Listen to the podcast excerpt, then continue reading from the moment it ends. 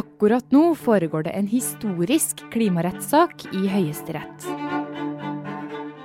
På den ene sida står miljøbevegelsen. Om det er noe land som må gå foran, så er det Norge. Nei, Det er jo et søksmål om vår framtid, rett og slett. Om den, den, den kloden vi skal leve på når vi vokser opp. På den andre sida er staten. Hva er en grønn profil, hva er grønn politikk? Det handler ikke utelukkende om å sette en sluttdato for norsk olje og gass. Det de er uenige om, er én paragraf i Grunnloven. Det er ingen tvil om at dersom Høyesterett gir miljøorganisasjonene eh, medhold, så vil dette få ganske dramatiske konsekvenser for eh, oljepolitikken i Norge fremover. Du hører på Forklart fra Aftenposten, og jeg er Marit Eriksdatter Gjelland. I dag er det fredag 6. november.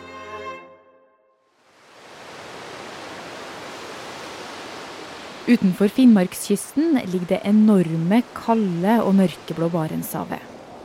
Over havoverflata flyr hvite sjøfugler. Og under lever torsken og silda, som seinere havner på middagsfatet ditt.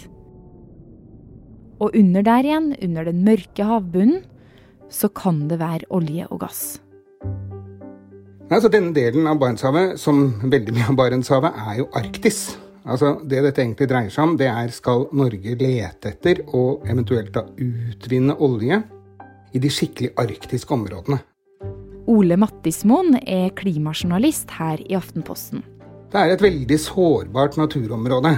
Det er jo en hovedgrunn og hele hva skal jeg si, basen for den norske debatten om oljeutvinning i Arktis. Men nå dreier det seg veldig mye om klimagassutslippene, sånn at rettssaken kunne egentlig like gjerne vært om et annet område. Men det er blitt her fordi det er et nytt, stort område, det som heter Barentshavet sørøst. Som nå åpnes for leting og eventuell utvinning i fremtiden, slik at det er en utvidelse av oljeutvinningen. Bakgrunnen for rettssaken i Høyesterett nå er noe som skjedde for fire år siden. For eh, første gang på over 20 år ble det i dag åpna for oljeleting i helt nye områder i Barentshavet. I Oljeboring i Barentshavet er omstridt.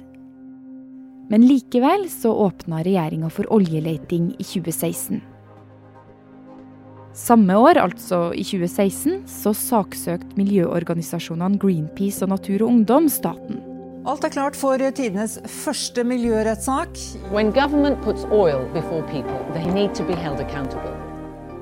De mente at Norge ved å åpne for oljeleting på nye steder, har brutt bl.a. paragraf 112 i Grunnloven. Der står det eh, svart på hvitt at eh, vi og våre barn, og faktisk også våre ufødte eh, barn og barnebarn, for de neste tiårene har rett til et godt miljø og en sunn helse og et, sted, et godt og trygt hjem osv., så videre, sånn som det står i menneskerettighetene. Og da har plutselig liksom miljøet blitt en, en menneskerett, men hvor langt går den? Det er jo det dette egentlig dreier seg om. Og klimaendringene blir stadig mer alvorlige, men Stortinget har altså sagt at dette er en menneskerett for oss. Altså en, så det som blir det avgjørende nå, er liksom om Høyesterett finner ut om dette er en hva skal vi si, en individuell rett for meg eh, som enkeltperson og mine barn som enkeltpersoner, eller om det er en mer sånn generell symbolpolitikk og veileder, sånn som en del andre ting i Grunnloven er. Men i loven så står det 'enhver har rett til', osv. Så, videre. så spørsmålet er om paragraf 112 i Grunnloven, som gir rett til et miljø som sikrer helsa, er en rett du har, og som staten må sørge for? Eller om det er noe staten bare skal legge til rette for. Staten selv mener de har en plikt til å ta vare på naturen, men at denne saken ikke handler om en individuell menneskerettighet. Da dommerne i først tingretten og så lagmannsretten fikk saken på bordet, så konkluderte de med at staten ikke hadde brutt Grunnloven. Fordi det å åpne for å leite etter olje ikke nødvendigvis fører til funn, og sånn sett heller ikke føre til utslipp. Både tingretten og lagmannsretten, og ikke minst lagmannsretten, slo fast at eh, miljøretten er en menneskerett for meg, og lagmannsretten slo også fast at Norges utslipp utenfor Norges grenser, altså norskprodusert olje og gass med utslippene i andre land, er, er, kommer inn under paragrafen. Men de ga likevel staten medhold her. Og det blir veldig spennende å se om, om Høyesterett holdt på å si, vil tolke den som en individuell rett, og om de da anser leting, som du sa, som en trussel mot klima, eller ikke. Eh, klimaendringene eh, betraktes jo som en eh, eksistensiell trussel, og derfor også som en trussel mot mitt liv og min helse, eller vår, våre liv og vår helse og våre barns helse. Så det er kjempespennende.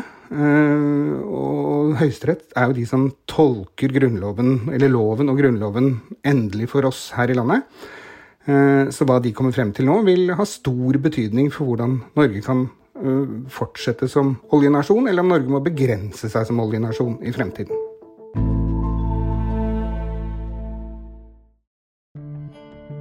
Flere hus er tatt i snøskredet som løsnet fra Sukkertoppen på Svalbard. I 2015 går et stort snøras på Svalbard. Så er det fare for nye ras. Sysselmannen har beordret evakuering av hele huset. Og en 42 år gammel mann og ei to år gammel jente mister livet. Ras som det her kan det bli mer av fremover, for klimaendringene er i ferd med å forandre øygruppa. Det blir mer nedbør, varmere og flere skred. Men også her på fastlandet blir vi mer utsatt fremover. Styrtregn, flom og jordskred. Og miljøbevegelsen mener rett og slett at én måte å beskytte oss fra mer av det her på, er at staten må hindre leiting etter mer olje og gass. Og at det her er nedfelt i Grunnloven i paragraf 112. Klimaendringene blir stadig mer alvorlig. Eh, og omtales stadig oftere, også av politikere og i tillegg til forskere og andre, som en eh, eksistensiell trussel. Altså en trussel mot uh, min eksistens, og at jeg skal kunne ha et liv med god helse og et godt miljø rundt meg. Når det er blitt et slags symbol nå, så er det jo fordi at miljøorganisasjonene har trukket akkurat denne saken om leteboring i Barentshavet inn for Høyesterett som en og tester den, og bruker den som en case på en måte, for å teste loven. Hvor er det loven, Grunnlovens grenser egentlig går hen? Men dette er en sak som Høyesterett tar eh, veldig alvorlig. De, skal, de, hører saken og skal dømme i plenum, dvs. Si at samtlige høyesterettsdommere er med. Eh, dette anses nok også juridisk som en veldig viktig avgjørelse. Men du, hva er annerledes nå da, når klimarettssaken skal opp i Høyesterett? Nei, som jeg sa, så er det jo liksom på det nivået juridisk at det er nå det på en måte bestemmes hvordan denne paragrafen skal tolkes i Norge. Hvis Høyesterett gir staten medhold, øh, også Høyesterett gir staten medhold, så kan jo miljøbevegelsen eventuelt vurdere å anke til Den europeiske menneskerettighetsdomstolen. Dette er i strid med Den europeiske menneskerettighetskonvensjonen. Nederlandsk høyesterett har jo kommet til det. Og denne nederlandske høyesterettsdommen fra i fjor har blitt trukket fram en del i det siste i forbindelse med klimasøksmålet her. The Supreme Court of the Netherlands upheld the judgment of the two previous courts, namely that the government must reduce greenhouse gas emissions by at least 20 Der sa Høyesterett at den nederlandske staten måtte redusere klimagassutslippene med 25% i år i forhold til i 1990. Høyesterett i Nederland da mener at farlige klimaendringer er en trussel både for dagens nederlendere og for nederlendere som skal bli født de kommende tiårene. Og du Ole, når vi er inne på Nederland, altså det foregår jo lignende klimarettssaker rundt om i verden nå. Hvorfor tas klimakampen til rettssalene? Jeg tror det er flere årsaker. Én årsak er nok at miljøbevegelsen er utålmodig. De ser at de politiske organene rundt omkring i verden ikke klarer å få gjennomført de utslippskuttene som er nødvendig for å klare Parisavtalens mål, og dermed klare å begrense oppvarmingen til under to grader. Og så tror jeg også det er sammenheng med at klimatrusselen på en måte blir mer, den blir, den blir mer og mer alvorlig hvert eneste år. Eh, og den blir mer og mer akseptert, tenker jeg, politisk. Slik at nå er ikke lenger klimatrussel og klimaendringer noe som noen mener er riktig, og noen mener ikke er riktig. Selv om du PS, i noen land er det absolutt slik fortsatt, men generelt. Det er blitt en mer av hva skal jeg kalle mainstream-politikk. Uh, og disse tingene kombinert tror jeg gjør på en måte at klima står mye høyere på dagsorden, både politisk og da også juridisk, fordi at man skal teste om lovverket, både nye paragrafer og gammelt lovverk, gir en beskyttelse mot de truslene som forskerne sier står foran oss, og som de sier er eksistensielle.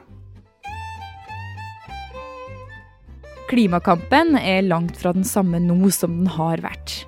Det er først i de siste tiårene bare at verdensledere har møttes for å inngå internasjonale avtaler om klimagassutslipp, som Kyoto-avtalen fra 1997. This is a great stride forward in our struggle to confront one of the biggest challenges we face in the 21st century. Og Parisavtalen fra 2016. Action on climate change is essential for creating a livable future. I flere land i Europa har det dukka opp grønne partier, også her i Norge.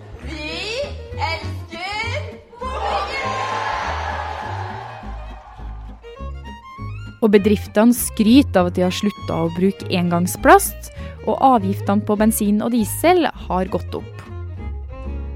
Klima- og miljøkampen er jo fra å være en slags idealistisk kamp, som det var for et par tiår siden, hvor det var noen idealister som sto på barrikaden og kjempet mot liksom, the establishment, så er klima- og miljøkampen blitt eh, allemannseie, på en måte.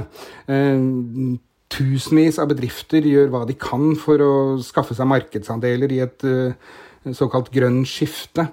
Det er totalt forskjellig. Eh, det er ikke så mange år siden det bare var et par-tre journalister i Norge som dekket klimavitenskap. Nå er det drøssevis, og det er helt fantastisk, syns jeg.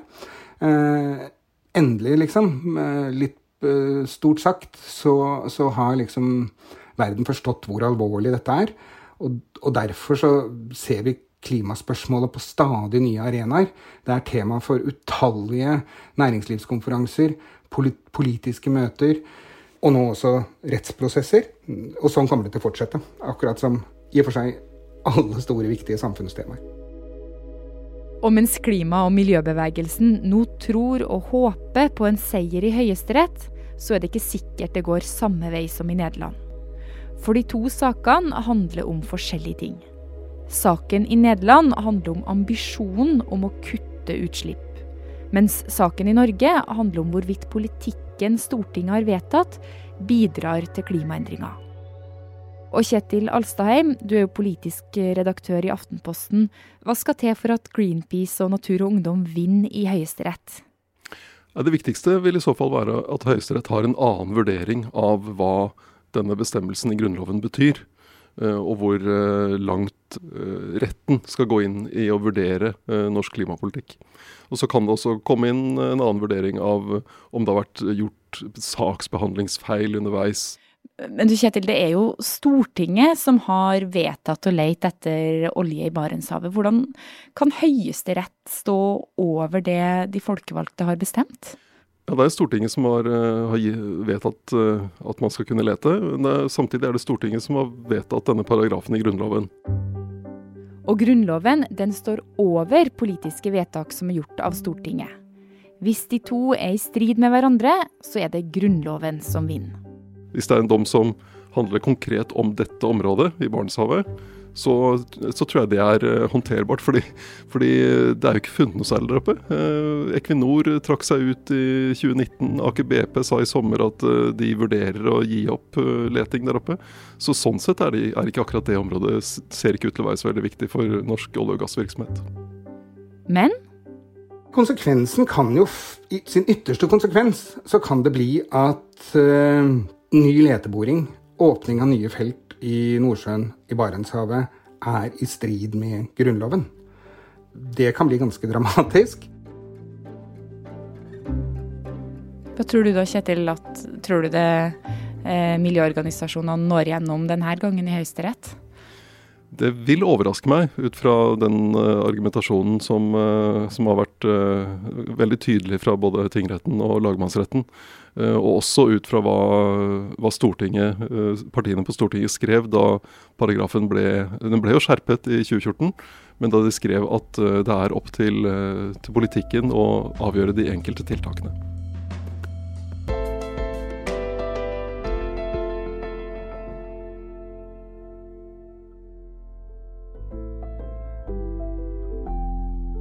Denne episoden er laga av produsent Anne Lindholm og meg, Marit Eriksdatter Gjelland. Resten av Forklart er Fride Nesten Onsdag og Karoline Fossland. Du har hørt lyd fra FN, Greenpeace, Natur og Ungdom, Urgenda, NRK og VGTV.